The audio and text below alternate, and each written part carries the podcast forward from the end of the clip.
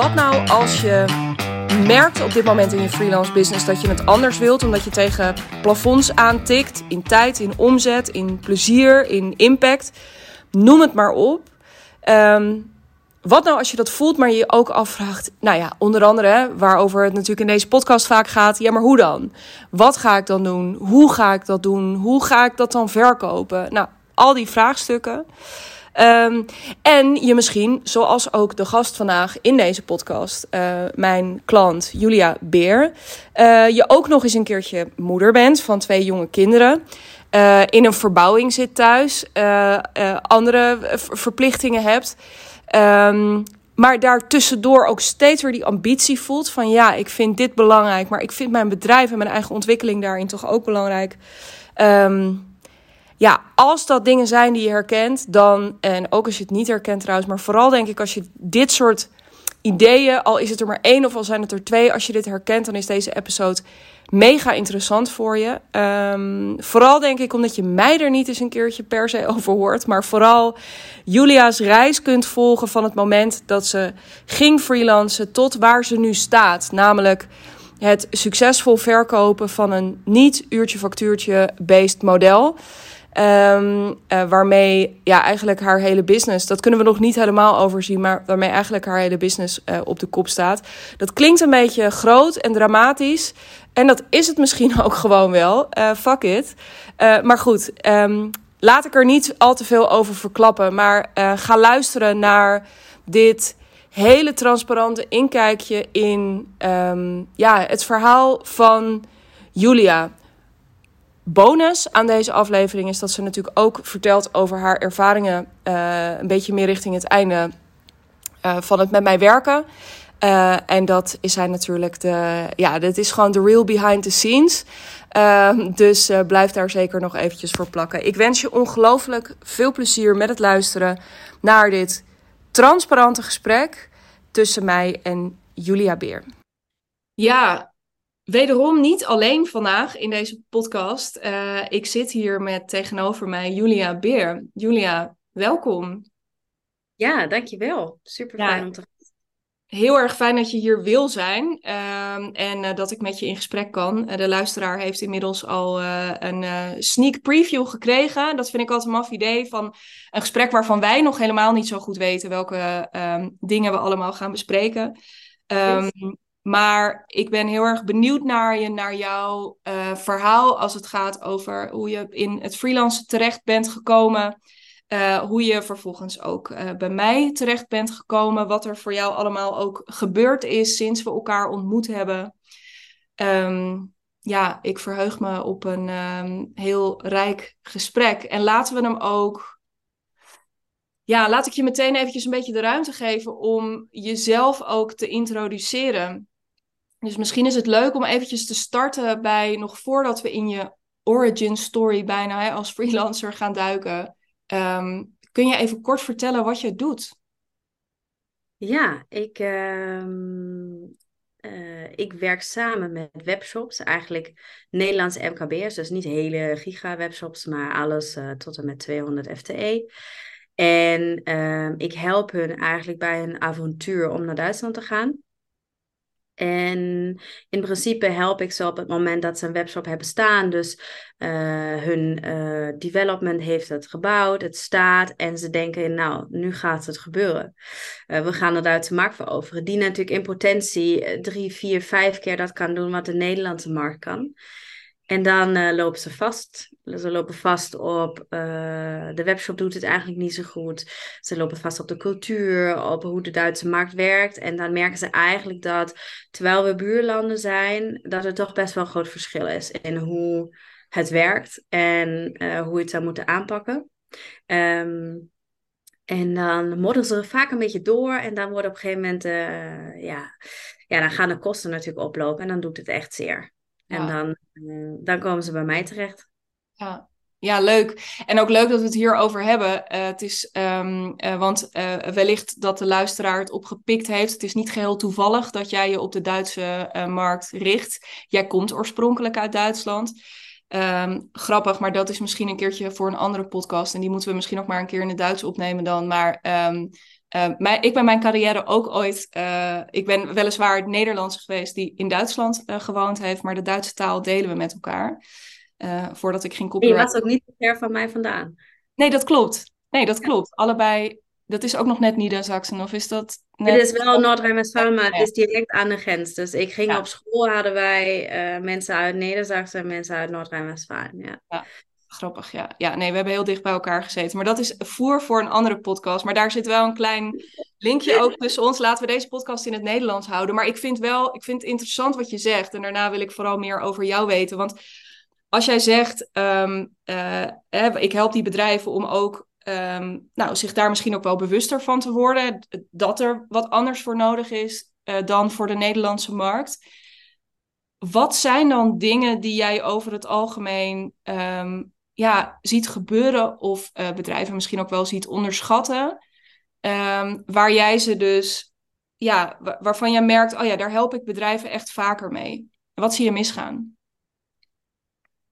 Ja, also ik denk, ze zijn in principe prima in staat om die webshop te bouwen. Hè. dat is natuurlijk, daar heb je een bepaald kader voor. Dat is ook allemaal niet heel erg spannend. En uh, de, de online marketingkanalen, die ken je ook. Daar is ook niet nou iets heel anders. Kijk, betaalmethodes is dan weer een ding, maar eigenlijk ook iets wat je gewoon door één keer te googlen ook uh, zelf kan uh, uh, nalopen. Maar waar ze op vastlopen is dat ze eh, vaak worden begonnen en dan wordt die webshop gebouwd en dan wordt die opgeleverd. En dan, denkt dat, dan denken ze vaak dat het een beetje uit zichzelf gaat lopen. Alleen niemand kent deze bedrijven in Duitsland. Duitsland is giga groot. Uh, je hebt ook nog Amazon waar je tegenaan moet boksen. Niemand zit per se op jou te wachten. Dus je moet wel echt in actie komen. Je moet goede marketing doen en dan moet je het ook nog goed doen. Want Duitsers gaan in principe altijd voor een tien. Ze gaan nooit voor een zes. Het is geen zesjescultuur. Um, en dan zie ik eigenlijk het meeste wat ik tegenkom, uh, de vertalingen zijn niet goed gedaan. Daar hebben ze echt enorm, daar wordt vaak op beknibbeld. Dat laten ze dan doen via via of door een student. Maar die krijgt dan natuurlijk ook een beetje ja, in hapjes de teksten. En dan is het allemaal losse flodders, is geen geheel. Of de foto's, dat is niet doorvertaald. Dus dan, is, dan heb je bijvoorbeeld alleen maar foto's van Amsterdam. Of zelfs nog met uh, Nederlandse uh, dingen erop. Of dan worden dingen je hebt natuurlijk ook merken die echt werken met bijvoorbeeld Nederlandse iconische dingen als ik noem maar Bassie en Adriaan. Dat moet je natuurlijk ook lokaliseren, moet je alles doorvertalen. Je kan dat niet klakkeloos overnemen. Ehm, en vaak weten ze eigenlijk ook niet goed waar hun doelgroep zich bevindt. Dus als ze dan een online marketing doen, dan ja, dan wordt er eigenlijk letterlijk ook alle advertenties vertaald. En dan staan daar soms dingen in of CTA's in waar je denkt van, waar heb je het over? Ehm, en de gekste dingen die ik tegenkom, waar ik dan ook denk van, hoe dan is als ze echt letterlijk hun producten vertalen en het echt nergens op slaat. Dus dat het echt niet bestaat.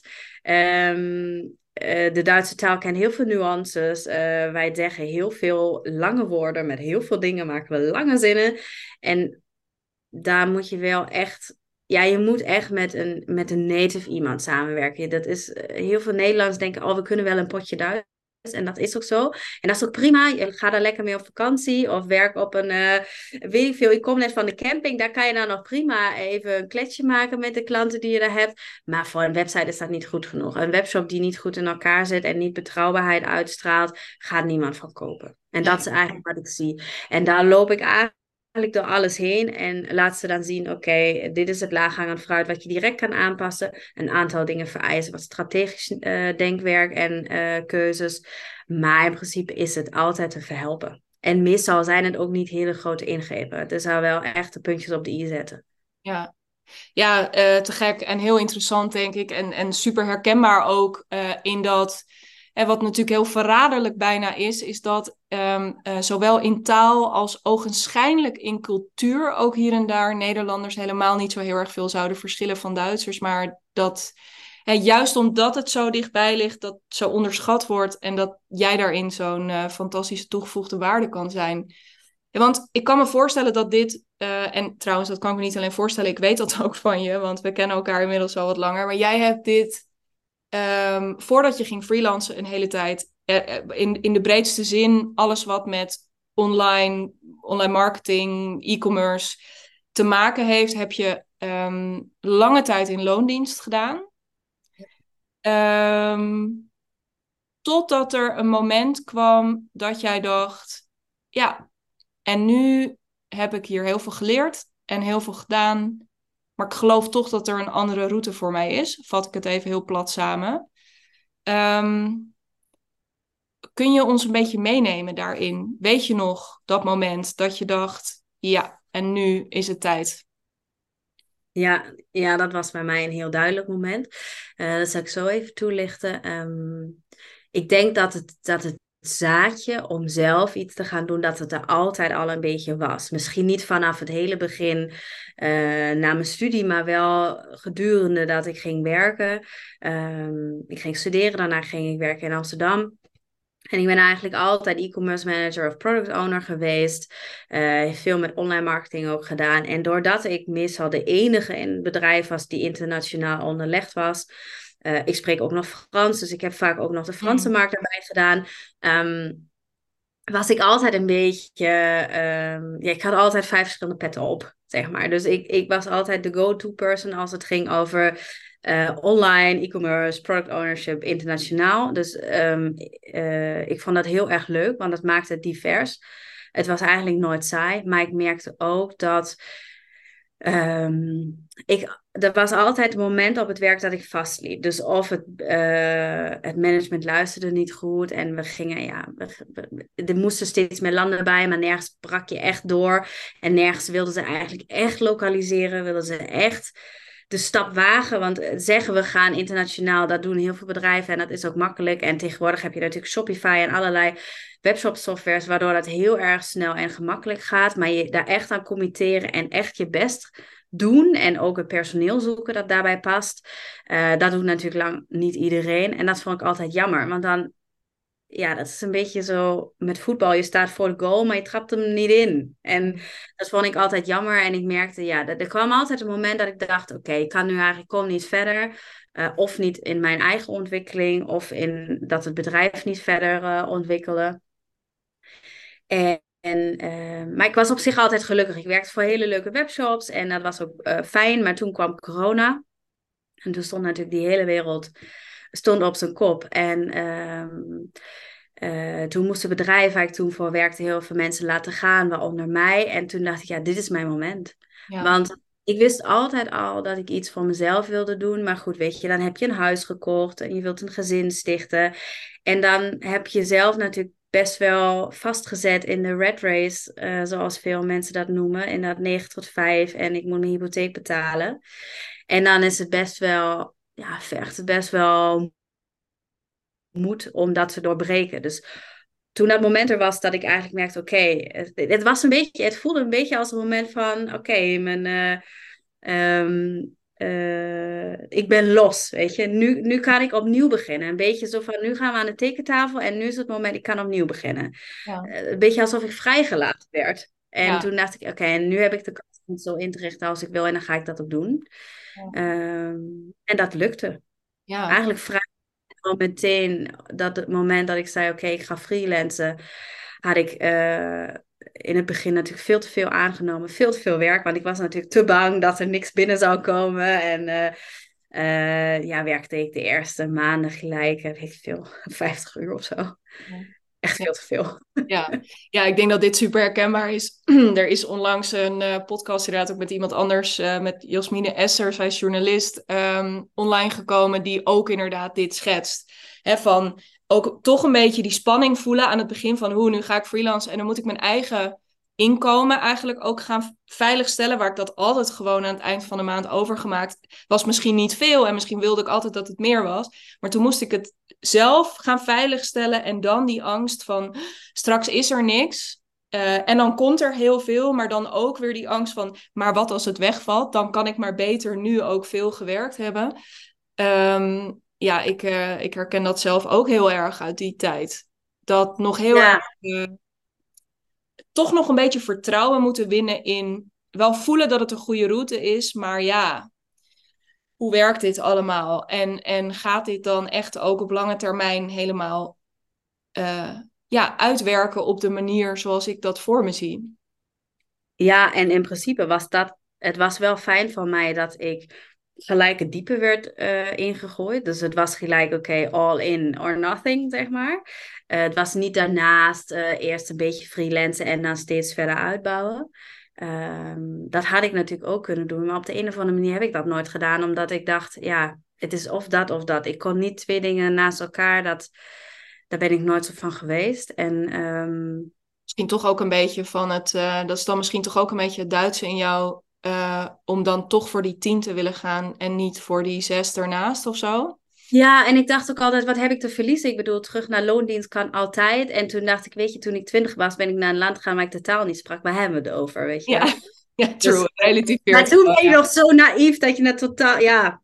ja. Denk, daar, daar heb ik veel minder lang over nagedacht dan over deze stap. Maar uiteindelijk is het natuurlijk altijd Um, kijk, als je in een bubbel bent met heel veel freelancers en heel veel mensen jou ook het gevoel geven, dit komt goed, hè, want er is vraag naar en jij hebt een skill die niet iedereen heeft, dan is het makkelijk. Maar als je uit een loondienstbubbel komt, waar je heel weinig mensen, waar dat heel spannend is en waar mensen het ook spannend maken, door vaak te zeggen, ja, maar dan heb je niet dat vaste inkomen. Uh, en jij de enige bent die tegen de stroom ingaat, dan voelt het als iets heel spannends. Achteraf is het natuurlijk, ja, nu, nu, zit ik meer in een bubbel waar iedereen ondernemer is of freelancer. Ja, dan is het een heel ander verhaal. Dan is dat weer normaal. Want hoe was dat toen jij. Uh, want nou ja, het, uh, jou, het was dus een beetje een combinatie van factoren. je wilde het eigenlijk al langer. En toen werd het je. Ja, het moment werd even voor je gekozen. Laat ik het zo samenvatten. Um, Zat jij toen, heb, had je al stukjes van die bubbel toen je net voor jezelf begon? Hoe, hoe zag jouw omgeving eruit? Uh, voedde die heel erg het idee van, oh ja, nou, uh, te gek, ga ervoor? Of heb je daar ook nog wel uit je omgeving een beetje, um, nou, wat moeilijkere gesprekken over gevoerd? Ja, het, uh, mijn omgeving was echt totaal niet een ondernemersbubbel of freelancers. Uh, mijn vriend was toevallig al wel ondernemer. Um, dus die was helemaal voor en die gaf me ook alles vertrouwen. Dus dat was super fijn. Um, in Duitsland is het helemaal helemaal niet zo aantrekkelijk om freelancer te zijn. Niet zoals dat hier is. Dus ook vanuit die kant ben ik het niet gewend. En ja, eh, onze ouders die zitten natuurlijk uh, 30, 40 jaar in dezelfde baan. Die vonden dat al helemaal spannend. Die, die heb ik het ook pas verteld op het moment dat het gewoon geluk was. En um, die moesten überhaupt eerst nog verdouwen dat de hele coronatoestand er was. En banen op de schop lagen. Dus die... Uh, uh, zaten daarmee. En vrienden van mij um, en ook oude collega's. Ja, de meeste mensen die juichen hier natuurlijk enorm toe. Maar je ziet ook in hun ogen een beetje de, de P van paniek. Ja. Um, van, joh, jij durft wel. Terwijl ik me nooit een durfal voelde. Nooit. Ik was altijd voorzichtig, zeer risicoavers. Uh, maar ik dacht, ja, ik doe dit gewoon en het gaat me ook lukken, want ja, dit is nu mijn kans. En uh, wat ik zei, weet je, uh, het was natuurlijk sowieso een onzekere periode voor iedereen. Hè? Niemand wist hoe de mm. wereld een jaar later uit zou zien en hoe het zou lopen. Dus dat maakte misschien ook dat het minder gedurfd voelde. Maar van, joh, ik doe dit gewoon. En als het niet werkt, ja, dan zien we dan wel weer. Ja. Uh, ik had wel altijd een fijn sociaal vangnet. Weet je, er was al, ik wist altijd, het komt, het komt wel goed. Ja, ja, waar was dat? Dus je zegt sociaal vangnet. Hè? Ik vind dat toch interessant, omdat ik me best wel kan voorstellen dat er nu um, uh, nou, misschien ook wel af en toe mensen luisteren die nog zo'n beetje, of die misschien wel on the side aan het freelance zijn, maar en die hun baan nog niet helemaal los hebben gelaten er zit, wat ik interessant vind aan wat je deelt, is dat er zat een soort heel sterk vertrouwen in, wat voor mijn gevoel nog een beetje los staat. En je had jezelf heel erg de ruimte gegund van, nou, als het nou echt niet lukt, dan heb ik zo weer een baan. Dus, en je voelde letterlijk van, oké, welk scenario ook werkelijkheid wordt, ik kom gewoon wel weer op mijn pootjes terecht. Maar ergens proef ik in jouw verhaal ook wel een soort ander vertrouwen van, ja, maar ook wel weten dat je misschien ook een bepaalde skillset uh, uh, had, die niet, of een combinatie van skills die niet iedereen met zich meenam. Um, waar kwam, hoe, hoe zit het daarmee? Wist jij van tevoren, want je bedoelde het zelf al eventjes, dat je eigenlijk in een hele specifieke um, niche bijna zit, of een hele specifieke set kennis dus meeneemt, die niet iedereen heeft. Maar was je je daar ook al van bewust toen je startte van, oh, ik, ik heb wel echt iets te brengen ook daarin? Of voelde je daar ook nog wel onzeker over? Nee, daar voelde ik me niet onzeker over. En dat is denk ik ook. Ik wist natuurlijk ook gelijk wat ik zou gaan doen. Dus dat was geen verrassing. Dat was, dat was altijd helder voor mij. Uh, en daar werd ik eigenlijk in bekrachtigd. Omdat al die tijd, ik heb, uh, ik woon nu 17 jaar in Nederland. En eigenlijk vanaf het moment dat ik was afgestudeerd, had ik altijd een baan. En ik kreeg altijd berichten op LinkedIn: wil je bij ons komen werken? Want jouw skillset is niet makkelijk verkrijgbaar. Dus ik kreeg ook vaak die bevestiging, um, zowel van uh, bedrijven als ook recruiters. Um, dat die combinatie uit e-commerce, online marketing en een taal, of zelfs meerdere talen, natuurlijk echt goud waard zijn in de tijd van vandaag. Dus ik wist altijd, het komt goed. En komt het niet goed als freelancer, dan komt het echt wel goed in loondienst. Um, dus dat, die combinatie dat dat, um, dat me dat iets zou opleveren, dat wist ik altijd al. Alleen is het natuurlijk, als je naar jezelf kijkt, denk je altijd, dit is normaal. Want uh, wat ik denk ik voor mij ook een groot verschil is, en wat je net ook al proefde, is, wij hebben in Duitsland een andere werkethiek. Wij werken op een andere manier. Dus hoe ik werk was ook voor veel van mijn Nederlandse oude werkgevers um, niet de norm. Uh, gewoon echt naar deadlines toe werken, heel strak werken, zeer secuur werken, het altijd goed opleveren. Ik kreeg dat eigenlijk in die 10, 12 jaar dat ik in loondienst werkte, altijd hetzelfde feedback. Uh, we weten 100% zeker dat het bij jou goed komt. Je houdt je aan de deadline, je communiceert helder als je dat twintig keer hoort, dan weet je op een gegeven moment dat het. Voor mij is het normaal, maar ik weet nu inmiddels dat dat niet voor iedereen geldt. Dat is gewoon een skill die ik heb, die misschien ook vanuit de opvoeding komt. Hè. De, ik denk, het hele manier van naar school gaan en hoe wij worden opgevoed in Duitsland is gewoon heel anders. Maar dat is natuurlijk ook wat ik kon brengen. Ik kon jou vertellen hoe het werkt in Duitsland. Ja, en ja, ja. De consument daar kan bereiken. En heel veel van hoe mensen daar in elkaar zitten en waarom een webshop op een bepaalde manier moet zijn, heeft te maken met hoe wij zijn opgevoed, waarom Duitsers risicoavers zijn, waarom die betrouwbaarheid hoog is, waarom wij voor een team gaan. Dat komt natuurlijk vanuit een bepaalde blik in de maatschappij en een manier hoe wij zijn opgevoed. Dat heeft ook niks per se te maken met welke generatie je inziet. Dat zit gewoon in je cultuur. Ja, ja, interessant wat je zegt. Ik, ik denk dat je een heel raak punt aansnijdt. En wat dat betreft, ook al vergeet je alles uit deze podcast, onthoud. Um, ja, omdat het waar is. Mijn ervaring is ook heel erg dat hè, onderscheidend vermogen. Als freelancer zijn we vaak heel erg op zoek naar. Ja, dan moeten we. Uh, en daar ben ik het op zich ook niet mee oneens, dat zul je weten. Maar hè, dat dat heel erg zit in dat je een heel uh, innovatief uh, verdienmodel hebt. Of dat je een hele unieke kijk hebt op je vak. En ik denk dat dat allemaal ook super interessant is. Maar dat je niet moet onderschatten hoe erg je al voorop kunt lopen als je hele basale dingen goed doet. Mijn ervaring is het ook, juist ook als klant bij anderen, dat dingen als communicatie, um, gewoon afspraken nakomen. Op ik lever het dan en dan op, lever het dan ook op dan. En hele basale dingen, als je dat, als je echt dat proces kunt bewaken en naleven, dan uh, scoor je echt al, ja, nou ja. En als je daarom bekend kan komen te staan, precies om die woorden die jij net gebruikt, van als we met jou werken, komt het goed, dan heb je enorm gewonnen. Goed, dit was even een uitstapje. Ik hoop niet dat je de rest vergeet uit deze podcast, maar als je dan toch van alles wil vergeten, doe dan de rest en niet dit. Um, Dankjewel. Uh, waar ik nog wel meer over wou weten was. Um, hey, jij zei net van, nou ja, weet je, dan komt het in loondienst ook wel weer goed. Van als nou alles mis was gegaan, dan was ik daar wel weer terecht gekomen. Ik had mijn ding wel gedaan. Ook nu, komt wel goed. Um, nou hadden we net een voorgesprek, waarin we, hè, waarin we het hadden over, ja, ook een beetje de vraag op tafel uh, ligt van, nou, stel nou, stel nou dat je om wat voor reden dan ook genoodzaakt zou zijn om weer een baan te gaan zoeken.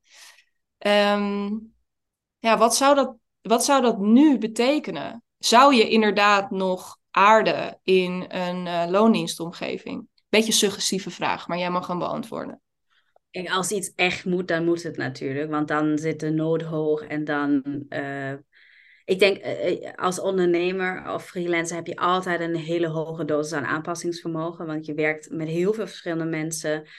Um, je itereert vaak, je past je business weer aan. Dus ik denk aanpassingsvermogen is een van de dingen die bij mij hoog staan.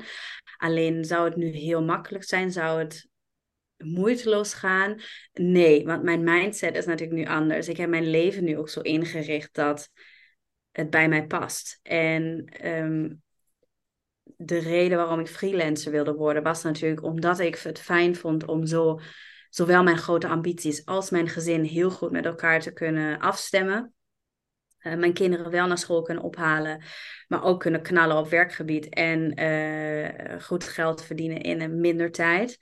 Um, dat vond ik altijd belangrijk stel nou, ik zou geen ene klus meer vinden en niemand zou meer van mijn diensten gebruik willen maken. Ja, goed, weet je, dan is het niet anders en dan, uh, uh, dan, ga ik echt, dan ga ik iets anders doen. Maar dan denk ik, dan zou ik misschien iets heel anders willen gaan doen. Weet je, dan ga ik misschien een keer juf worden of uh, barista. Gewoon om iets anders te proeven. Ik denk het leven is te kort om dan weer helemaal terug te gaan naar zoals het was. Want zoals het was, diende het mij eigenlijk ook niet. Dat was een, en dat voelde ik natuurlijk altijd al. Uh, en ik denk, het vertrouwen is er um, dat ik weet dat het goed komt. Weet je, ja. hoe dan komt het goed. Uiteindelijk gaat het om geld, hè, dat je je leven kan leiden en dat je de dingen kan betalen die je moet betalen. Um, maar meer dan dat is het ook niet. Weet je, het bepaalt niet je hele leven. Dus... Nee. nee, ja, mooi. Dankjewel voor je antwoord ik wil nog even met je terug naar, um, dat ligt een beetje in het verlengde hiervan. Hè? Want uh, op een gegeven moment had je je, of ja, was je noodgedwongen, maar ook volledig naar wens. Was je in dat freelancerschap terechtgekomen. En ook al vrij snel in, uh, nou, hè, je zei net, ja, het zou toch lekker zijn als je meer geld kunt verdienen in minder tijd. Nou, je schetst al even het plaatje. Wat er gebeurde was uh, dat ik misschien wel meer geld verdiende, maar nog niet in heel veel minder tijd. Sterker nog, in meer tijd. Um, hoe is het je daarna vergaan? Want um, nou ja, het is waarschijnlijk geen verrassing. Wij hebben met elkaar gewerkt. Dus er is ook een punt gekomen in dat freelancerschap waarin je dacht: hey, wacht even. Ik wilde een aantal dingen, of ik had een aantal verwachtingen van het, freelance, van het freelancen. En nu zit ik hier. Ik wil dat graag anders. Uh, kun je ons meenemen in dat proces eigenlijk vanaf die 50-urige um, ja. werkweken?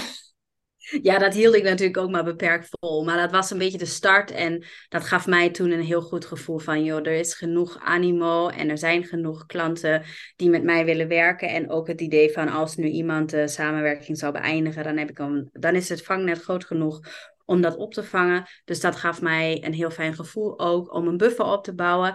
En uh, ik denk drie, vier, vijf maanden later dacht ik... oké, weet je, nu voel ik me zeker genoeg om te zeggen, ik ga mijn uren reduceren. En toen ben ik weer gewoon, ga, gewoon gegaan naar 32 uur. Maar ook daar merkte ik eigenlijk snel, hmm, ja, 32 uur werken is natuurlijk niet, dan is het voor mij niet afgelopen. Ik blijf natuurlijk nadenken, hoe kan ik mijn business verbeteren? Ik moet mijn administratie doen. Dus in feite was dat natuurlijk nog steeds misschien 40 uur. Nou ja, en in werkelijkheid ben je natuurlijk altijd bezig dan met hoe dingen anders kunnen. Dat laat je dan ook niet meer los. Um, en het tweede moment, of echt grote moment dat triggerde dat het anders moest was, ik werd weer zwanger van mijn tweede uh, kind. En toen dacht ik daarna, oké, als ik straks twee kinderen heb en uh, en huishouden en werk. En uh, nou, de eerste jaar ben je ook best wel vaak moe. En er moet ook nog tijd voor mezelf zijn. Dan moet ik het op een andere manier gaan doen. Ja. En uh, ook dat zaadje zat er natuurlijk al een tijdje. Het was al langer. Het, het, was nooit mijn idee, ik word freelancer en ik werk 32 uur net zoals voorheen. Dat was voor mij niet het idee van ondernemen. Um, maar dat was eigenlijk het moment dat ik dacht, oké, okay, nu moet ik erover na gaan denken dat het anders kan. Ja, en wat waren toen je eerste... Um, ik denk dat dit heel interessant en heel herkenbaar is. Eigenlijk dat je, wat ik je een beetje hoor zeggen, um, is van ja, eigenlijk zat je Um, het was wel fijner wat je voor jezelf gecreëerd had. Door niet meer in. Eh, je kon in ieder geval, kan ik me zo voorstellen, misschien wat vaker van, van achter je keukentafel werken. Of uh, je had al wel wat meer ruimte voor jezelf gecreëerd. Misschien ook financieel, maar het was het nog niet helemaal. Om verschillende redenen die je ook mooi uh, uitgesplitst hebt. Toen je dat, zeker ook dus na je, of toen je zwanger raakte van je tweede kind. Um, wat zijn toen dingen die je bent gaan doen of onderzoeken of bent gaan um, ja, wat, wat gebeurde er toen bij jou, toen je die realisatie kreeg? Ehm, ja, ik had eigenlijk tot die tijd, tot dat moment, nooit echt LinkedIn ingezet als zowel niet voor mezelf als marketingkanaal, nog dat ik veel heb gelezen. Dat was echt iets. Ik opende dat één keer in twee weken om een beetje te scrollen, maar ik uh, wist eigenlijk niet helemaal waar LinkedIn voor was, zeg maar, als je freelancer bent. Alles kwam via via en dat was heel fijn. En uh, ik werkte ook met hele fijne mensen samen, dus dat was het probleem. Dus de noodzaak was er ook niet. Maar op het moment dat ik in mijn hoofd had, oké. Ehm, ik wil er echt meer een onderneming van maken. Ik wil het meer naar mijn hand zetten. Ik wil het veel afgebakener maken, want dat merkte ik ook. Het was toch weer een soort van verkapte loondienst, omdat je dan toch weer interim aan het werk was. En je had weer allerlei meetings en afspraken en moest ook weer doorgeven, oké, dan ben ik vrij dacht ik, oké, okay, dat moet een andere manier zijn. Dus begon ik eigenlijk steeds meer te lezen daarover. En uh, steeds vaker het begrip solopreneur, entrepreneur, met één persoon. Hoe doe, hoe doe je dat dan? Um, uh, en op een gegeven moment ja, zit je daar dan in een bubbel uh, op LinkedIn en Instagram. En dan, dan word je natuurlijk ook helemaal bedolven onder de informatie. Nou, toen heb ik dan eerst maar mijn kind gekregen. En dan zit je natuurlijk sowieso ook weer in een bubbeltje. En dan had ik verlof. En dan met verlof heb je heel veel tijd om ook weer te scrollen en na te denken en te doen. En daarna um, uh, ben ik weer teruggegaan bij een oude klant. Die zei, we hebben een nieuw project. En dat was eigenlijk dat ik merkte, oké, dit, dit is nu dit is fijn voor nu. Dat was ook heel leuk. Was ook fijn om weer terug te gaan naar mensen die ik al kende. Dus dat hele uh, elkaar leren kennen en hoe we werken, dat viel een beetje weg. Maar dat zou een project zijn van drie maanden en het werden er tien. En hmm. toen bij maand tien dacht ik, oké, nu... Ja, ik ben meer van de sprints, niet zo van de marathons. Dus ik merkte, oké, tien maanden is eigenlijk te lang. Dat wil ik niet meer. Ja, en uh, toen kwam ik jou tegen. Ja, toen kwamen, toen kwamen wij elkaar tegen, inderdaad. Ja, nee, maar fijn en mooi, denk ik, uh, om dat ook gewoon even zo uitgesplitst te horen, uh, voordat we dan daarin duiken. Want uh, het klinkt soms, en dat vind ik ook aan jouw verhaal, wat toch net weer een ander verhaal is dan uh, eerdere verhalen die hier in de podcast zijn geweest. Of die je inderdaad misschien wel eens leest op, op uh, LinkedIn. Er zitten natuurlijk parallellen tussen, maar het is in ieder geval nooit een soort rechte lijn. Van oh, en toen wist ik dat ik wilde gaan ondernemen. Dus toen ging ik mijn baan opzeggen. En toen ging ik eerst zoveel uur per week freelance op uurbasis doen.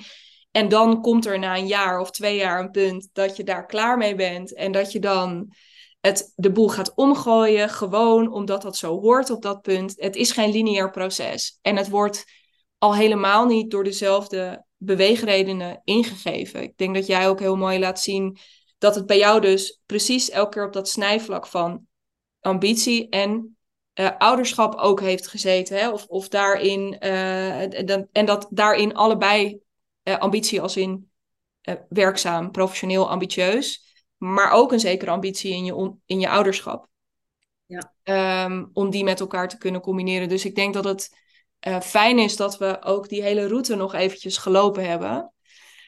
Um, maar terug naar vorig jaar. Ja, ik denk dat dat nu een jaar iets langer geleden is. Want in die gekke LinkedIn-bubbel kwam je ook mij tegen, herinner ik me. Ja. Um, en besloot je op een zeker moment: oké, maar nu ga ik een bericht sturen en nu moeten we een keertje met elkaar uh, kletsen. Weet je nog wat specifiek de aanleiding daarvoor was?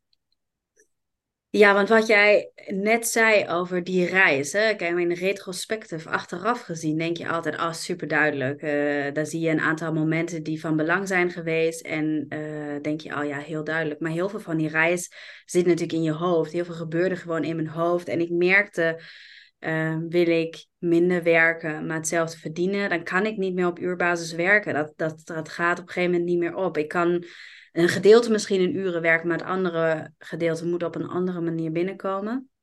Um, dat zaadje was ook weer geplant. En toen ehm, dan ga je een beetje op zoek van hoe werken andere mensen nou? En dan merk je, zo transparant is dat niet. De meesten hebben dat helemaal niet uitgelegd op hun website. Ik ging echt bij allerlei freelancers waar ik dan wist dat ze dat deden, ging ik kijken. Maar eigenlijk zegt niemand iets over zijn prijs of pakketten of ook niet eens een uurprijs. Kijk, in het begin bij mijn freelancer. Uh, ondernemen, zeg maar mijn reis, dan ben je helemaal trots dat je een website hebt gevonden, dat je uurtarief kan bepalen en dat je denkt, oh ja, dan hou ik nog echt goed wat over. En op een gegeven moment is dat niet meer goed genoeg en dan kijk je eigenlijk van hoe kan het nog efficiënter en nog anders. En dan merk je, oké, dan is het niet meer transparant. Dus je hebt je zoekt naar hulp of naar een mhm. hulplijn of naar iemand die weet hoe het werkt. Uh, dus zo kwam ik dan weer bij LinkedIn terecht en dacht ik, oké, hoe doen anderen dat? En ik vind dat eigenlijk tot vandaag nog zeer intransparant. De meeste mensen zeggen, wil je met me samenwerken, stuur me een bericht. Of uh, ook op hun eigen website. Ik snap dat eigenlijk niet zo goed waarom men daar zo geheimzinnig over doet. Uh, vind ik heel jammer. Um, Um, maar goed, ik merkte toen van ik wil dit anders. En toen um, zag ik jou een paar keer voorbij komen. En ik vond het heel fijn dat je ook een vrouw bent. En want er zit natuurlijk er zitten heel veel mannelijke freelance solopreneurs die je vertellen hoe je het anders kan doen. Maar daar voelde ik toch minder overeenkomsten. Want vaak moeten de mannen toch wat minder ja, die kunnen vaak wat meer uren hebben of die kunnen meer werken. Die moeten het wat minder combineren met het ouderschap. Of als ze dat wel doen, dan vertellen ze daar niks over. Dus die combinatie, uh, die miste ik. En het is een beetje het vrouwelijkere. Dus ik wilde het ook niet zo... Het moest voor mij ook niet de Amerikaans te ja, zo opgedoft. Ik wilde gewoon, oké, recht toe, recht aan. Welke verdienmodellen zijn er? Hoe werkt het? Hoe kan ik het voor mij laten werken? En wat is het dat vrouwelijke aandeel daarin. Weet je, echt, ik wilde heel graag samenwerken ook met een vrouw. Ehm, ja, en toen kwam ik jou tegen. En toen volgens mij zijn we niet op LinkedIn begonnen, maar op Instagram. Dat en klopt. toen had je daar een vraagsticker. En toen dacht ik, ik vraag gewoon een keer. En toen raakten we in gesprek. Bleek dat jij ook in Haarlem woont. En uh, ja, en dan, dan klets je toch wat en heb je wat raakvlakken. En toen bood jij een eenmalige dag aan voor over verdienmodellen. En toen dacht ik, ja, mhm. dat is wel interessant. Want dat vind ik ook. Ik werk graag samen met mensen waar het recht toe recht aan is. Van uh, wij hebben het over één bepaald thema. En het thema van mij toen wat belangrijk was, was welke verdienmodellen zijn er en welke passen dan bij mij. Ja, ja het is leuk. Inderdaad, het is grappig dat... Uh, het is al de tweede keer in één week nu dat ik het weer een keertje over verdienmodel in een dag heb, wat inderdaad toen uh, vorig jaar het ding was, uh, over websites gesproken. Oké, work in progress, maar um, uh, er staat nu op mijn website nog steeds een linkje naar dus die datum van vorig jaar ergens. Dus ik had vorige week iemand in mijn DM die zei: Oh, superleuk, ik volg jou een tijdje. Ik zat net op je website en ik wil erbij zijn op 7 oktober. Hoe gaan we dat regelen? En ik dacht: 7 oktober, 7 oktober. help, wat is er op 7 oktober? En toen dacht ik ineens: maar wel dus weer een aanleiding om in gesprek te raken. En um, het is ook leuk, mooi hoe jij het schetst inderdaad. Gewoon die eerste behoefte die er zat op, oké, geef mij gewoon even perspectief op of een inkijkje in. Als ik het niet meer zo wil, of als ik het idee heb dat het anders kan, geef me dan, help me even bij mijn gedachten ordenen ook over de hoe. En schets gewoon even wat er dan mogelijk is voor me. Ja, en eh, ik denk ook als ik daar even op in mag haken, is ja. natuurlijk een verdienmodel is één ding, maar wat is dan je aanbod? Ja, klopt. Daar zit ik ook heel erg mee te struggelen. Van, ik wist heel precies wat ik als freelancer kon aanbieden, maar dat was toch vaak ook meewerken, uh, echt met mensen samenwerken. Wat is dan? Wat is dan wat ik in een pakket kan gieten? Hoe kan ik dat dan aanbieden? Wat is dat dan precies? En daar wordt ook heel veel gesproken over LinkedIn, maar dat was niet van toepassing, of ik zag niet de toepassing voor mij, omdat het dan wel weer, ja, ik zit daar in zo'n niche die die dan gebundeld is met de taal, waarbij ik toch nodig ben zelf als persoon. Ik kan mijn dienst niet los aanbieden zonder mij. In ieder geval, dat zie ik op dit moment niet. Dus dat was, ja, dat spagaat tussen welk aanbod en welk verdienmodel hangt er dat aan. Dat vond ik, ja, vond ik heel interessant. En daar vond ik dan ja, vrij weinig aansluiting voor die exacte vraag die ik had. Ja, ja, duidelijk verhaal. En ik vind het nog steeds interessanter, want ik denk, ik ben het met je eens, hè, wat uh, bij jou eigenlijk al vanaf het begin, dat eerste moment, inderdaad steeds de vraag is geweest van hoe kom je nou? Want dat is toch waar ik vaak ook, of eigenlijk altijd met mijn klanten op uitkom, is wil je slimmer gaan werken, dan zul je ook een bepaalde stap uit de uitvoering moeten zetten. Want zolang jij gewoon, precies zoals jij het uh, benoemt, als jij nodig bent in om, om het überhaupt voor elkaar te krijgen. Of als je daar, dan zul je dus altijd een, ehm, eh, ja, misschien ook wel een belangrijk deel van je tijd daar naartoe moeten sturen. Dus de vraag is er altijd, en bij jou was die extra interessant inderdaad, omdat je niet kan zeggen, joh, weet je, zoals bijvoorbeeld een copywriter dat kan doen, of een um, beleidsmedewerker die zegt van, nou, ik ga me op een gegeven moment wat meer op de strategie richten. Ik, ik zet een stapje omhoog en ik ga de mensen die daaronder zitten begeleiden. Uh, dat is bij jou inderdaad de uitdaging, omdat jij zo specialistisch eigenlijk in een, uh, um, ja, in een bepaalde niche zit, um, waardoor dat wat uitdagender is. Ik ben er nog steeds van overtuigd dat het kan. Ik denk ook dat er mooie stappen al ingezet zijn. Um, maar dat voert misschien voor nu te ver. Want je was uiteindelijk bij die dag en dat was uh, leuk en te gek. En ja.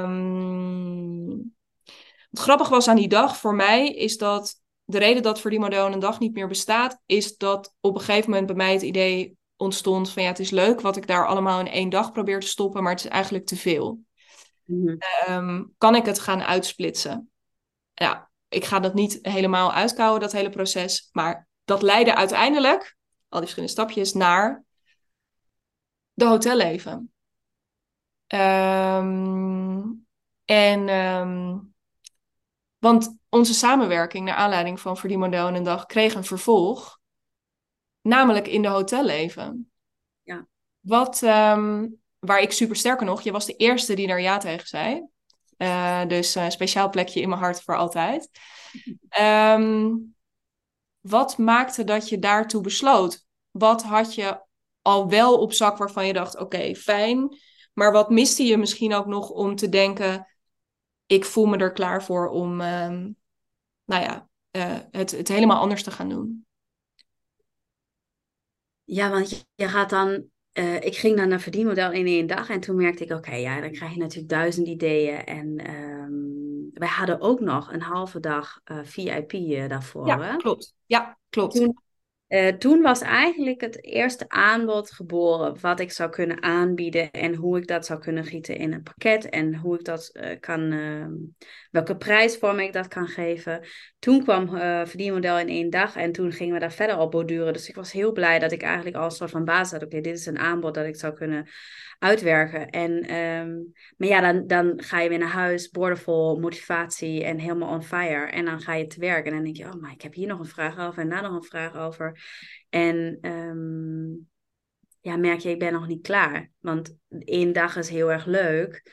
Um, en ik ben zelf iemand, ik vind dat heel fijn om uh, motivatie te krijgen, om met mensen te praten over een andere kijk op dingen. Maar dan wil ik even de rust hebben om het uit te werken. En dan komen vanzelf weer vragen omhoog borrelen. Die dag zelf, denk ik, was ik nou niet diegene die uh, honderdduizend vragen heeft gesteld. Maar um, ik ga er nou over nadenken en dan krijgt het een plekje en dan komen wel, oké, hoe ga ik dit nou echt in de uitvoering doen? Want nu zitten we, ja, hoe doe ik dat nou in het alledaagse leven? Hoe verkoop ik dit? Hoe ja, hoe, hoe benoem ik dit überhaupt? Wat, hoe ja. maak ik duidelijk wat uh, klanten daaraan hebben? En uh, nou, we zijn toen in gesprek gebleven en uh, toen kwam je met de hotelleven en dacht ik, ja, dit, dit past bij mij. Want dan heb ik uh, want dat is natuurlijk ook, ik had een druk gezinsleven, ik had het druk op werk, ik had geen tijd om uh, elke dag hiermee bezig te zijn. Of uh, nou één keer per week heel intens aan te werken. Ik had geen hele dag in een week om hier aan te werken. Dus ik moest dat tussendoor doen en had dan altijd, was het heel fijn bij de hotel even, er zat een maand tussen. Dus je kon even drie, vier weken het laten bezinken, eraan werken. En dan kom je in het alledaagse leven dat je daarmee bezig bent, toch uiteindelijk erachter, oké, okay, dat werkt wel, dat werkt niet. En uiteindelijk heeft het, als ik nu terugkijk op mijn reis, heeft het ook een jaar geduurd voordat ik dit uiteindelijk, dit aanbod klaar had en ook echt ging verkopen. Uh, want dat ging natuurlijk ook niet van een leien dakje, want dan denk je, oh, ik heb een aanbod, ik heb een prijs, zo hier, kom maar halen. Ja. Uh, dan is het natuurlijk niet dat iedereen in de rij staat denkt, jij ja, komt het halen. Nee, dan begint natuurlijk echt het ondernemerschap. Ja. Uh, dus ik denk, um, en dat is misschien ook heel fijn voor de luisteraar, is zo'n reis van ik heb een aanbod tot ik ga daadwerkelijk verkopen. Daar gaat echt wel tijd overheen. Zowel in het vinden van de perfecte klant die daarbij past, maar ook van, van jezelf. Hoe zet ik dit neer? Wat bied ik exact aan? Uh, dan bied je het één keer aan, heb je het één keer verkocht, dan ga je het weer verbeteren totdat je denkt, oké, okay, dit is hoe ik het in gedachten had. En dat duurde bij mij echt een jaar. Ja, ja, dat, nou ja, ik, fijn dat je dat aanhaalt. Want inderdaad, dit is. Ehm, eh, ik zie dat vaker gebeuren. Sterker nog, ik heb zelf ook. aan de ene kant is de hotelleven bijvoorbeeld bij mij iets wat ontstond. En een week later had jij het gekocht, bij wijze van spreken. Maar dat is uh, als ik hem afpel en, en hem helemaal terugredeneer, dan lijkt het alsof dat in een week is ontstaan. Maar in feite zijn daar gewoon allemaal stapjes, zoals voor die model een dag. Maar ook eerdere ervaringen in VIP-dagen die ik inderdaad vorig jaar deed. Maar ook werken met jaartrajectklanten. Daar is natuurlijk een heel proces aan vooraf gegaan. Dus alles wat ineens er lijkt te zijn, ga ik jou zo meteen ook nog een vraag over stellen. Want toen het eenmaal bij jou ging lopen, ging het ook ineens, tussen aanhalingstekens, best wel hard. Ehm, maar tijd is best wel een factor daarin. Ehm, eh, en denk ik een soort, ja, ik zie dat altijd een beetje voor me als een soort uh, broeikas. Uh, of een soort um, omgeving waarin het ook kan rijpen. En daarmee bedoel ik dus inderdaad tijd. Wat jij ook zegt, lekker die lucht tussen die sessies waarin je het gewoon, waar je er zuurstof bij kon laten. En je daar zelf een beetje over na kon denken. Ehm, maar misschien inderdaad ook de omgeving van de groep. De hm. input die je daar soms weer eventjes op krijgt. De vragen die je kunt stellen. Want voor, ik wil zo meteen nog wat meer weten over hè, dat je het nu hebt verkocht en uh, waar je nu staat. Um, want wat heeft er dan voor gezorgd ook in die, in die afgelopen maanden? Want dit was het najaar vorig jaar dat je ja zei. Toen begon in januari de hotelleven. Daar rol je eigenlijk net uit, uit jouw uh, halve jaar. Um, wat heeft dat halve jaar met dat ondernemerschap gedaan? Of wat heeft, er, wat heeft het je gegeven um, dat je nu op het punt staat en zegt: Ja, ik heb het verkocht? Ja, um, ik denk in eerste instantie is het heel grappig dat ik überhaupt in een groepstraject ben gerold, want ik ben eigenlijk totaal geen groepspersoon. Uh, of tenminste, dat dacht ik eigenlijk altijd. Maar in dit verband vond ik die groep juist wel heel fijn. Uh, om te zien dat het. Zo'n aanbod hoeft helemaal niet spectaculair te zijn. Of state of the art. Of iets. Het wiel opnieuw uitvinden. Het gaat erom dat je iets hebt wat een goede basis is, wat, uh, wat doet wat de klant vraagt en wat een behoefte vervult die niemand anders kan vervullen. Um, en dat, uh, kijk, dat eerste gesprek waar we hadden, daar dacht ik, oké, de bal ging rollen, maar in dat aanbod, en dat is natuurlijk als het goed is bij iedereen zo die zoiets aanbiedt, is daar, daar, daar vloeien natuurlijk alle ervaringen die je hebt opgedaan daarvoor, die vloeien daarin samen. Dus dat is natuurlijk het resultaat van zowel mijn tijd in loondienst als al mijn ervaringen met andere klanten in, uh, als freelancer die ik daarvoor had. Het, het, het ging natuurlijk steeds, wat, je, wat jij noemt, afpellen. Ik ging steeds kijken, hoe kan het beter? Hoe kan het efficiënter? Hoe kan het uh, ook toegepast worden voor bedrijven met een kleiner budget, voor minder personeel. Dus uh, hoe kan ik steeds meer kijken, oké, welke klant heeft wat nodig? Want de een, ik heb voor bedrijven gewerkt met 200 FTE, maar ook voor 10 FTE. Daar zit natuurlijk een enorm verschil in, in hoe zij dingen oppakken en wat zij aan mijn diensten hebben. En dan iets te vinden wat helemaal daarbij past. En op het moment dat ik dat dan ja, in mijn hoofd klaar had, toen ging het inderdaad lopen. En ik denk, wat de hotelleven heeft gedaan, is echt bij het begin beginnen. Oké, dit zijn de struggles die we hebben. En die kwamen natuurlijk overeen. De een was interim, hij wilde dat anders. De ander was freelancer met vijf klanten, die wilde dat anders. Maar in de basis kwamen we natuurlijk ons allemaal zelf tegen. Van, wij werken ons uh, nu slag in de ronde. En eigenlijk zouden het een beetje anders moeten willen. Het nog beter inrichten. En die herkenning vinden bij een groep, dat was super fijn. Ook denk van, oh ja, jij hebt exact hetzelfde. En wat vraag jij dan? En hoe, hoe ga jij met deze tegenslagen om? En hoe ga je om met een klant die dat vraagt? En uh, hoe vertel jij wat je wel en niet doet? Ja. Uh, dat is heel erg fijn. Zeg maar, de, die, die uitwisseling met de groep, dat je dacht, oh oké. Ik dacht dat ik dat als enige had. En dan merk je dat dat helemaal niet zo is. Ik denk die herkenning alleen al is heel erg fijn. Ja, mooi. Want hoe zou je, want wat is het effect daar dan van? Wat ik een beetje proef daarin is bijna een soort, waar, hè, of het plaatje wat ik er meteen bij krijg, is dat waar je dan misschien nog een beetje van wat voorzichtig, twijfelend, over, hmm, ja, is het wel vertrouwend op je eigen kunnen, in jouw geval zeker ook wat je daarover, maar toch nog, ja, van wat twijfelachtiger erin staan naar ook het zelfvertrouwen vinden van, oh ja, wacht, maar ja, eigenlijk deelt iedereen hiermee. Dus ik kan ook gewoon eventjes een keer in en uitademen en dan hiermee eh, de boer op. Of is het. gewoon doen. Ja, maar het zelfvertrouwen dus ook vinden daarin om, het, uh, om dat te gaan doen. Ja, en ook de bevestiging van de groep. En ik denk ook, uh, we vaak proberen mensen zich een beetje kleiner te maken. Ik doe dat vaak wel van, joh, dat is allemaal niet zo spannend. En, maar hey, weet je, je maakt de reis van freelancer tot een eigen aanbod. En je wilt jezelf uiteindelijk ondernemer noemen. Uh, waarbij je heel veel ballen omhoog houdt en heel veel petten op hebt. En uh, alles goed moet staan. Um, uh, dat is nogal wat. En dat zelfvertrouwen is mega gegroeid. Zeg maar ook um, als ik dan merkte, oké, okay, ik heb nu. Want uiteindelijk is het natuurlijk. Ik was een heel drukke freelancer en ik had altijd klusjes die dan uiteindelijk vaak uitliepen na een aantal. Zeg maar echt dat het veel langer duurde dan gepland.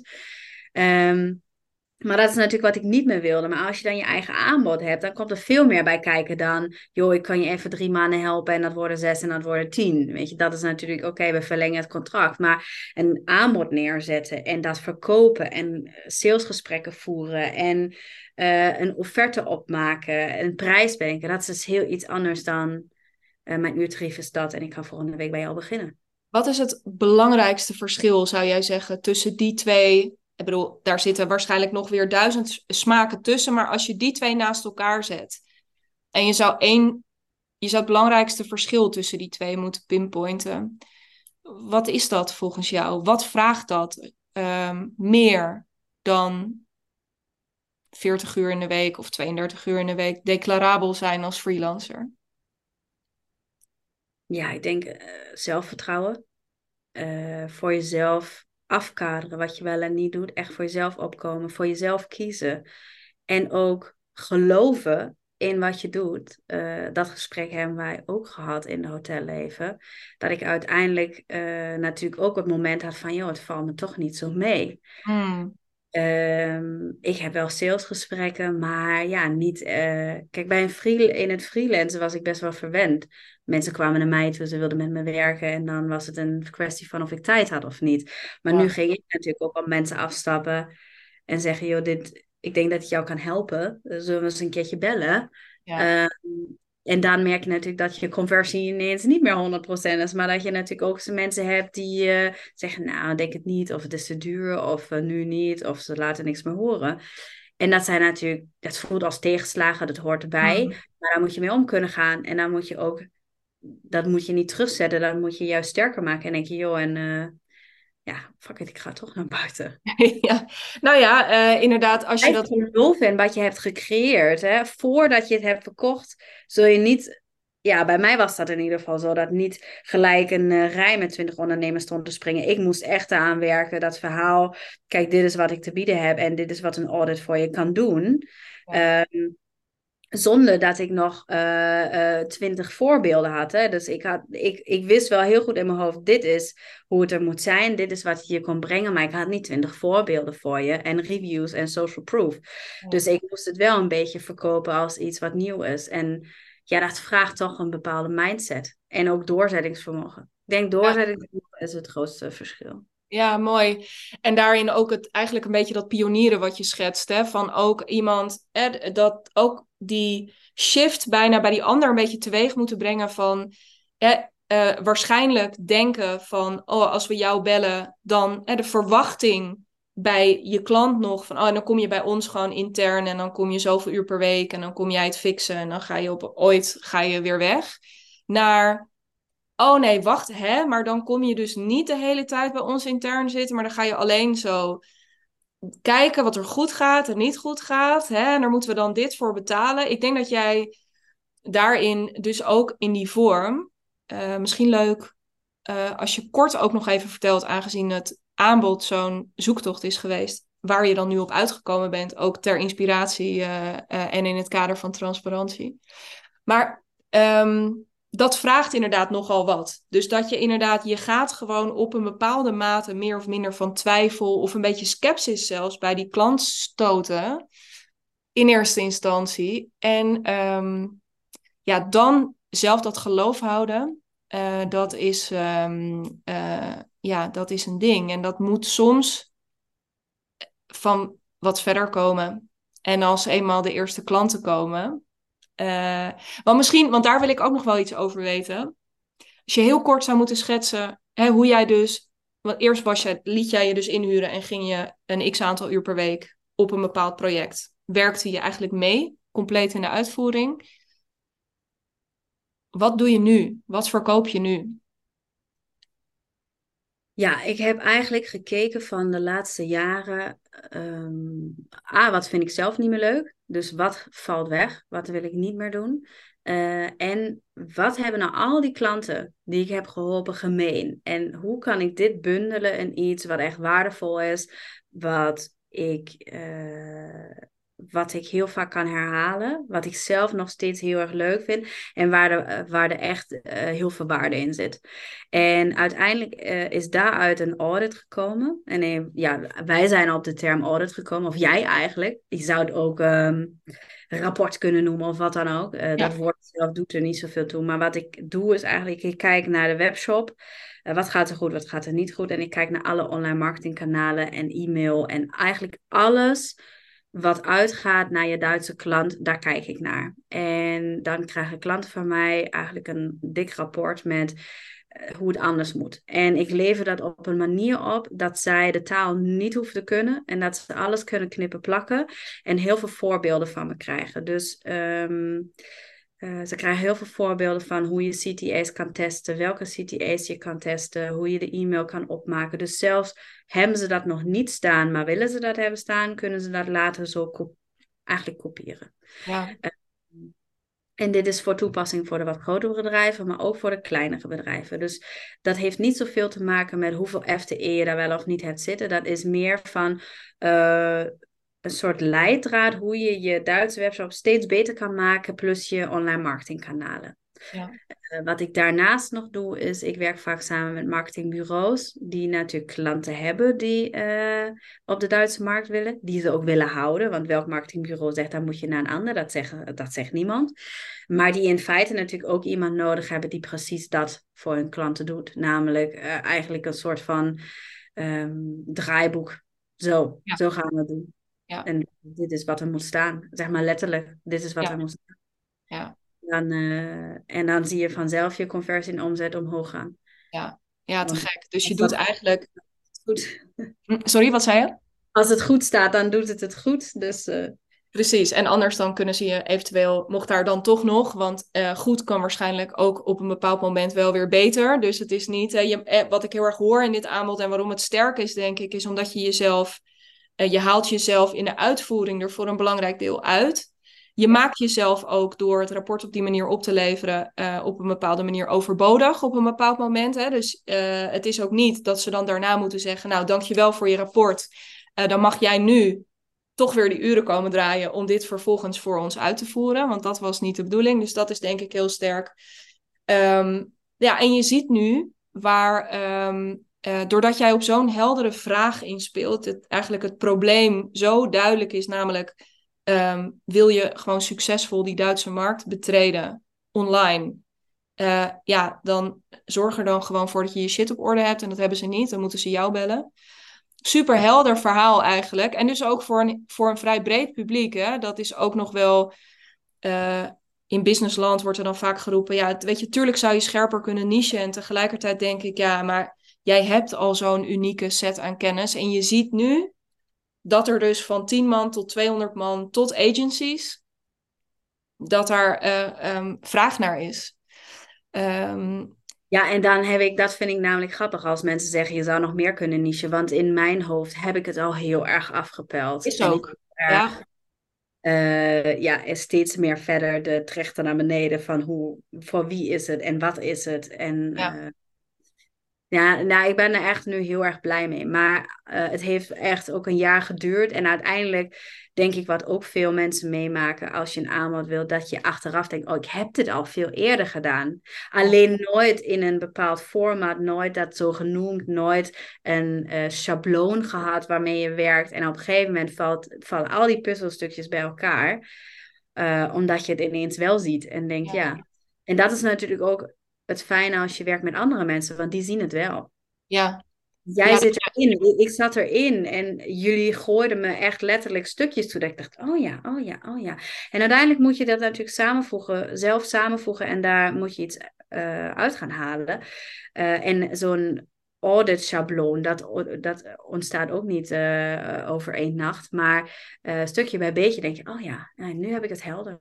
Ja. Dus nu heb ik het helemaal voor me. En dan komt natuurlijk, ja, dan hebben we het natuurlijk in de hotel even over gehad, over marketing en zus en zo. Dan denk je, oké, dit kan nog beter en zus. En nou, eh, ja. moet ook een eigen website hebben. Dus het blijft maar doorgaan. Maar je merkt wel dat het, dan, dan is je motivatie ineens mega. Dus je ja, gaat graag aan de slag daarmee. Ja, het is mooi wat je zegt ook over die motivatie inderdaad. Hè? Op, als je te lang in die, ja, maar hoe dan? Ik zie het echt niet, blijft zitten. Kom je natuurlijk vanzelf een keer in een modus dat je denkt, ja, weet je wat, laat ook eigenlijk maar. Ik ga wel gewoon, hè, even heel, ik ga wel gewoon mijn geld verdienen met de volgende freelance op Interim Plus. Ja, want ik weet het ook niet. Terwijl nu inderdaad merk je dat als je um, hem in ieder geval openbreekt. En dat is er gebeurd. Dat, en die bal gaat rollen. Dat je nog steeds een hele tijd het gevoel hebt gehad van ja, oké, maar hoe dan? En dan nog een keer een beetje vastlopen. Maar op een gegeven moment ook op het punt komen dat die klikt. Uh, in die combinatie. Ja, en misschien ook nog leuk voor de luisteraar is uh, om echt transparante inkijk te geven. Het was ook niet dat ik één jaar met dat ene aanbod bezig was. Ik heb wel twintig verschillende dingen opgeschreven en uitgeschreven op een kladje papier. En dat werd uiteindelijk dat. Dus uh, daar gaan natuurlijk heel veel ideeën komen op. En dan merk je, hm, nee, ja, dat verkoopt toch niet. Of dit wil ik zelf ook niet. En dan, het is ook gewoon proberen. En er hoort op gaan met iets wat nog niet 100% af is. Nou, dit is best wel uh, een belangrijke die je noemt. En wat denk ik al, uh, als je ook weer misschien, dus als je een heleboel andere dingen wil vergeten na vandaag, dat dit stuk, dit, dit is denk ik, als je alles afpelt, uiteindelijk waar het in je bedrijf op aankomt. Als je dit kunt en durft, dus gewoon in het moment gaan kijken naar, weet ik niet, wat voor kladjes heb ik uh, al, uh, wat, wat, voor ideeën heb ik al eens geprobeerd, in ieder geval in mijn eigen hoofd. Wie heb ik gesproken? Wat heb ik eigenlijk allemaal al gedaan? Waar merk ik dat steeds weer mijn eigen interesse naartoe getrokken wordt? Um, als je dat steeds, als je daar eerlijk over durft te zijn en daar steeds weer een vervolgstap aan durft te geven, of gewoon eens iets te proberen en dan later te merken, oh ja, uh, ik heb alle, ik, als ik, ja, ik zat van de week te denken, misschien moet ik een keer een lijst maken, maar ik heb ook heel veel dingen, ik heb fysieke producten gemaakt, ik heb diensten bedacht, ik heb uh, voor die model in een dag ooit, die heb ik twee keer gedraaid en toen werd het de hotelleven en dit is denk ik, zonder de waarheid te willen claimen ergens over, en dat vind ik ook onzin, maar ik denk, het is mijn ervaring en ik zie dat ook bij jou en bij andere klanten, dat als je dat kan en durft, dan gebeuren er dingen. Um, en dan is het lekker als je in een omgeving zit, denk ik, waar je twee dingen meemaakt, dat je inderdaad krijgt wat jij schetst. Dus een soort ideeën, inspiratie, perspectief op, ah ja, dit zou kunnen, dat zou kunnen. En um, die spiegel op al die dingen die je zelf misschien niet zo goed ziet. Um, ja. In dat moment. Ja, en ik denk één moment dat mij ook echt is bijgebleven, is het moment dat jij aan mij, want toen ik naar jou kwam en zei, voer het valt me toch niet mee en ik krijg het niet zo makkelijk verkocht en uh, geloof je er zelf in? Dat zei jij tegen mij, of dat stuurde je naar mij, geloof je er? Ja, hier geloof ik in. Ja. Toen, toen ging het, toen ja. werkte het. Wat dus... maakte dat dat, wat, wat, wat was het, wat er op dat moment, dus er was kennelijk een soort ik zie een soort uh, leeuwin ineens voor me die uh, wakker werd uit een soort van ja, verdomme ja, ik, ik dit, ja, dit, natuurlijk dit. Um, wat was het waar je jezelf misschien een beetje in ja, was je jezelf, dan laat ik het als vraag stellen, was je jezelf ergens een beetje in verloren? Of was je, waar was dat, want dat geloof was er al. Ja, maar ik denk het is iets anders dat je die dingen in je hoofd hebt en dat je, ze ook, dat je ook echt naar buiten moet treden en zegt: Oké, dit is wat ik te bieden heb, dit is wat ik kom brengen. En dat zit per, niet per se vanuit nature in mij, uh, want dat is misschien ook weer iets vanuit cultuur, hè? een beetje dat beheerste, ingetogen, een beetje doe even normaal, zeg maar. Ja. Uh, blijf met beide voeten op de grond en uh, je moet niet, ja.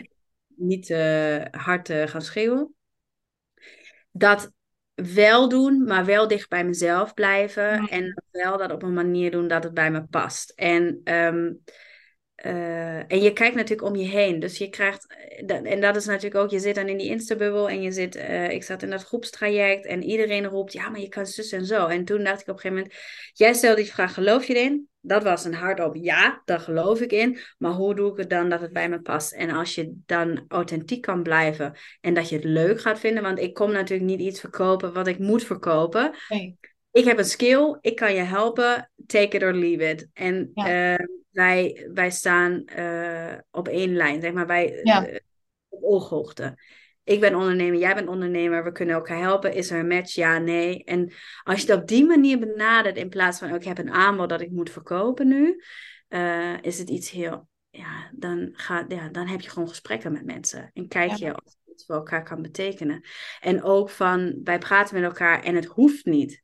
Weet je, het kan wel, maar het hoeft niet is ook zo'n mindset shifter voor mij geweest. Van, uh, het is van beide kanten een vraag of er een match is, of ik iets kon brengen. Want als iemand zegt, ja, ik heb al drie medewerkers, maar die doen eigenlijk niet wat ze moeten voor de Duitse markt. Ja, dan kan ik je niet dat is iets anders dan dat je niemand hebt of maar een heel uh, of maar een stagiair of wat dan ook. Weet je, dat is iets een heel ander verhaal. En daar ben ik dan niet voor. Ik ben er ook niet voor jou als je wilt starten en je hebt uh, iemand nodig die het voor jou gaat bouwen. Weet je, ook weer een ander verhaal. Ja. Dus uh, als je heel goed weet wat je komt brengen en, en, en wat je, dat je weet wat je te bieden hebt. Maar dat is gewoon ja, dat is een reis. En daar was die groep heel fijn voor. Want dan zie je mensen die dat wel vanuit nature in zich hebben. En je denkt, ja, dat gaat diegene zo makkelijk af. Wat doet hij nou anders dan ik dat doe? En ja. dan kijk je naar en denk je, ja, het is fascinerend. Ja. ja, dat je ook daar dus in, zonder dat je, weet ik veel, modellen tot je neemt of theorieën of nog nee, meer. het is gewoon echt, mensen doen het ook gewoon. Ja. ja. Het werkt ook gewoon zonder dat je ja, allerlei modellen van LinkedIn moet plukken over hoe je dat precies moet aanpakken. En uh, elke post op LinkedIn moet een hoek hebben en zo. Ja, uh, weet je, het, je kan het ook op jouw manier doen. En ja, ja absoluut. en uh, ja, ik ben heel erg benieuwd. Twee dingen eigenlijk nog. En dan laten we langzaam richting een soort moraal van het verhaal toewerken. Ik ben heel erg benieuwd, want we hebben natuurlijk al een soort uh, ontknoping eigenlijk laten weten. Want eh, waar we al de hele tijd van, ja, het was zo moeilijk, moeilijk, maar we weten eigenlijk al. Maar op een gegeven moment verkocht je het. Daar wil ik je graag nog even over horen. Um, ja, en ik ben natuurlijk heel erg benieuwd naar hoe dan nu, uh, wat het je heeft opgeleverd. Hoe dan nu je, je weken er, je, je dagen eruit zien, je weken gevuld zijn. nou, dat hele stuk. Dus laten we die laatste nog even bewaren. Um, en laten we eens inzoomen op van nou, hè, met, met dus al die dingen op zak, uh, je authentieke manier van jezelf presenteren, misschien een bepaalde visie op sales die veranderd was, uh, dat aanbod onder je arm, dat geloof waarvan je wist, oké, nee, maar ik weet heel zeker dat ik hierin geloof. Um, ik herinner me heel duidelijk een moment dat je, dat is helemaal niet heel lang geleden, een maandje geleden of zo, denk ik, uh, misschien iets langer, um, dat je ineens bij mij in de zit dat je zei, nou, ik weet niet wat mij overkomt, maar het was de hele tijd gesprekken voeren, misschien aangepaste vormen, weet ik niet, maar zoeken, zoeken, zoeken. En nu heb ik het ineens drie keer op één dag verkocht. Wat, ja, gewoon neem, neem ons nog even mee naar dat moment. Wat, wat gebeurde daar? Weet je, kun je achteraf, want nu zit er wat tijd tussen. Ja. Kun je achteraf een beetje herleiden wat, daar, wat dat was? Of wat, wat, hing er in die wat hing er in de lucht op die dag? Ja, ik denk dat ik. Um, het moment dat ik had besloten dat ik het ging anders doen, had ik dus die klant die had ik afgesloten na tien maanden. En ehm, had dus eigenlijk de tijd genomen om er ook echt aan te werken en naar buiten te treden. Nou, had ik LinkedIn begonnen dat voor mij te laten werken. En toen nou, gesprekken, gesprekken gevoerd. En dan merk je, oké, steeds wordt het verhaal duidelijker. Je destilleert zelf natuurlijk ook elke keer uit dat gesprek. Oké, dit had ik anders kunnen zeggen. En eigenlijk bedoelde ik dit. En je wordt zelf word je daar beter in en makkelijker. En op een gegeven moment had ik het heel erg helder. Oké, dit is het. En dit is wat ik kom doen. En dit is wat het kost. En um, en dan merk je dat ineens de gesprekken veel makkelijker gaan. En dan, dan gaat het ineens. Ja, ik weet niet, die dag, eh, ik deed niks anders dan voorheen. Ik, ik ja, vertelde gewoon, dit is wat ik doe. Dit is wat je eh, gaat hebben. En dit is wat je daarmee zelf kan doen. En toen kreeg ik gewoon drie keer ja is goed. En ook heel makkelijk eh, drie keer ja is goed. En ik dacht, oké, wacht even, dit was het nu. Oké. Okay. Ehm, en dan merk je, oké, het heeft even geduurd, maar ik heb het verhaal gewoon helder. En dat is ook even, dat was zonder website of wat dan ook, geen voorbeelden, geen niks. Maar dat is zelf elke keer weer reflecteren op de gesprekken die je hebt gehad. Heb ik met de goede persoon gepraat? Wat heb ik verteld? Wie is nou de doelgroep? En dat vond ik misschien ook nog wel soms een beetje lastig. Ik wil natuurlijk uh, bedrijven helpen die dat juist nog niet hebben. Dus ik kan niet op LinkedIn zoeken van manager Duitsland of e-commerce manager Duitsland. Want als die er is, heb je mij niet nodig. Ehm, dus op een gegeven moment merk je, oké, als je echt in gesprek gaat met mensen en zelf uh, heb ik agencies benaderd of klanten benaderd, dan kom je steeds meer, dan wordt je netwerk steeds breder en je komt steeds meer tot de kern met wie je eigenlijk, wie je echt goed kan helpen. En ineens was dat er gewoon. Ja, ja te gek. En ook weer een mooi voorbeeld van hoe dus al die kleine, of misschien waarschijnlijk kleine stapjes, ook in het vooral in eerste instantie zelf je dat hele nieuwe, die nieuwe rol um, soort eigen maken van, oh ja, wacht, als ik nu iets anders ga verkopen, dan kom ik ook ergens anders binnen. Het verhaal wat daarbij hoort. Eigenlijk allemaal in eerste instantie richting jezelf. En daar zelf helemaal dat vertrouwen en het geloof en, en dat, dat in gaan voelen. En het dan dus vanuit die plek ook echt over kunnen brengen op, um, op de ander. In ja, en ook echt letterlijk, heel duidelijk. Iedereen die je kent, die je spreekt, zowel werk als privé, vertellen: Oké, dit is wat ik doe. En dan niet een heel langdradig verhaal, maar gewoon drie, vier zinnen: Dit is wat ik doe. Ja. En dan merk je ineens: Oké, ja, mensen onthouden dit. En mensen weten te vinden. En, uh, en zelf gewoon mensen aanspreken: Joh, ik zie dat je dit en dat doet laten we een keer bellen. Ja. Ja, zo makkelijk kan het. Ja, ik bedoel, ik zit nu ja en ik zit alleen maar te knikken. Maar, um, het is niet makkelijker dan het is. Maar als je nou, gewoon die drempel over bent gestapt en je gewoon helder hebt: oké, dit is wat ik kom brengen, dit is wat ik doe. Uh, dan is dat wat je ook heel vaak gaat vertellen. Ja, ja, ja. post dat ook gewoon, weet je. Uh, ik heb natuurlijk, ik post uh, nu twee keer per week op LinkedIn. En uh, sommige posts gaan over uh, zeg maar heel veel kennis. Uh, dit is wat je, hoe je het kunt doen in Duitsland en zo. Maar ook gewoon heel duidelijk zeggen: oké, en dit is mijn aanbod. Ja. ja, we vergeten dat. Ik denk dat dit het. Um, we wantrouwen over het algemeen eenvoud heel erg. om allerlei verschillende redenen. En dat is ook omdat eenvoud vaak moeilijker is, omdat het directer is en dat de afwijzing dus ook dichterbij ligt. Um, maar ja, Ehm, dit, is, dit is ook wat het je kan opleveren. Dus inderdaad, als je dat doet, want wat ik je vooral hoor zeggen is: oké, ook door het vaker te doen en door ook maar gewoon op verjaardagen en zo vaker te gaan roepen: ja, dit is gewoon wat ik doe. Daardoor werd het makkelijker ook.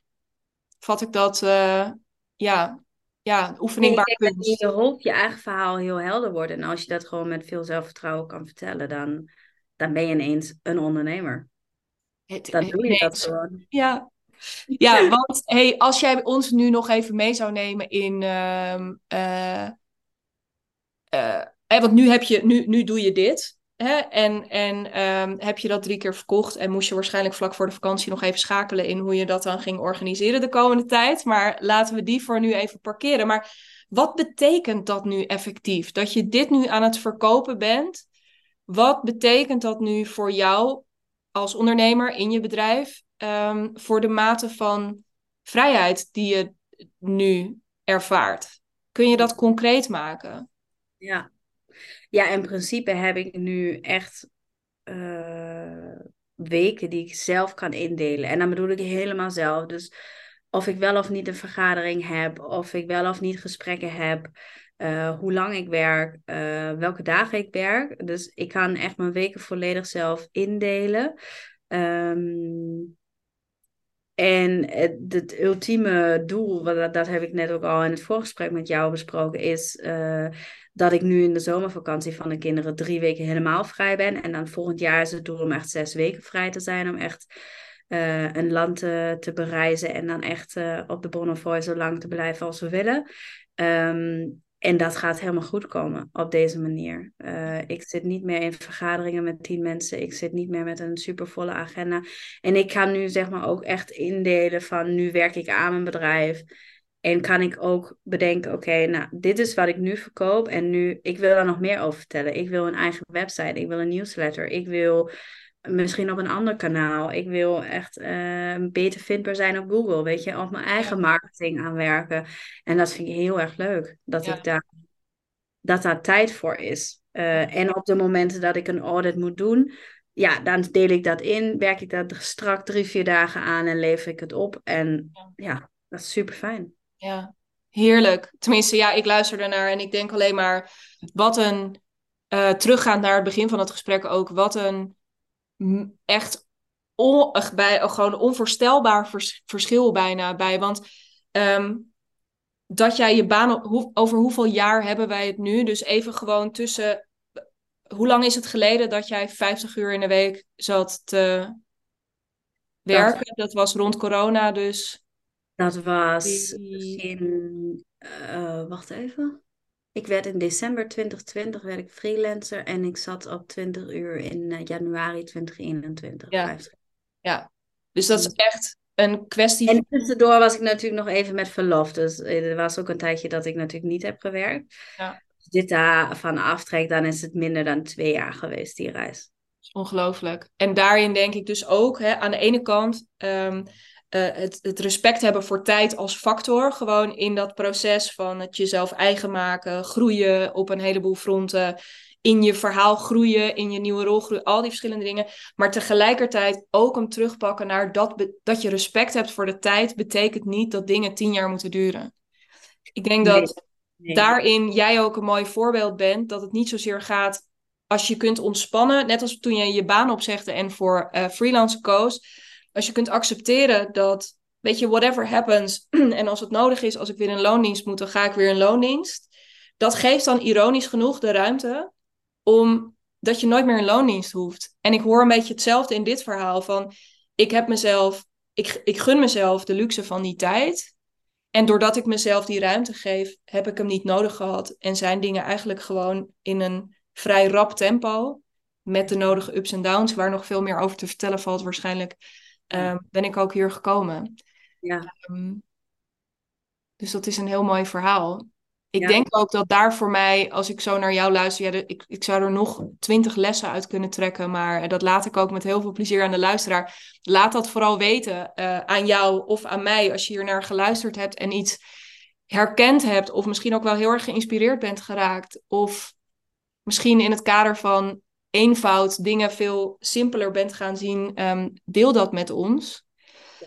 Ehm, is er nog iets wat je met de luisteraar soort. Dit was even mijn soort van uh, uh, samenbinden van waar we het allemaal over hebben gehad. Mijn god, uh, een fantastisch mooi gesprek, dankjewel. Ja. Um, is er nog iets wat je tegen de luisteraar zou willen zeggen?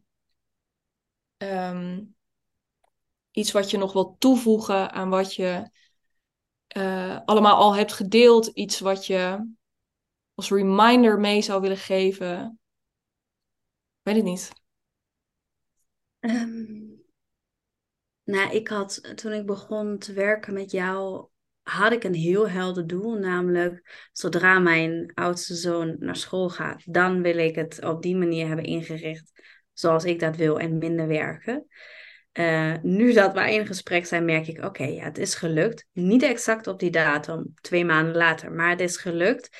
En soms zit je zo in je werk dat je niet doorhebt hoeveel je al hebt bereikt. En met andere mensen daarover praten, dingen delen, met een groep gaan werken, uh, laat je zien dat dat wat jij kan en hoe je het doet toch best uniek is. En dat, je, dat opent echt je ogen. Dat is één ding dat ik wil meegeven. En um, gewoon doen.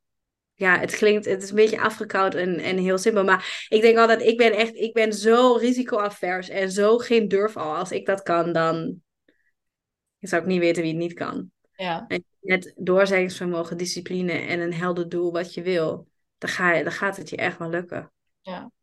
Ja, te gek. Dankjewel. Als mensen met jou uh, na willen praten, mhm. Dan uh, ik ga in ieder geval de link naar jouw LinkedIn profiel uh, in de beschrijving bij de podcast opnemen. Um, is dat genoeg? Of zeg je, nou, nee, je vindt mij ook nog uh, op andere plekken? En dat vind ja, dat zou mooi zijn, maar daar moet ik nog aan werken. Ja, in de toekomst. In de toekomst vind je, oké, dan beginnen we in de show notes met jouw link. LinkedIn profiel. Um, en natuurlijk vind je daar dan ook de linkjes naar, uh, uh, nou ja, naar mijn uh, kanalen. En um, ja, praat vooral met ons na, denk ik, over deze aflevering. Zou ik heel erg leuk vinden. Ja. Um, en ik denk jij ook.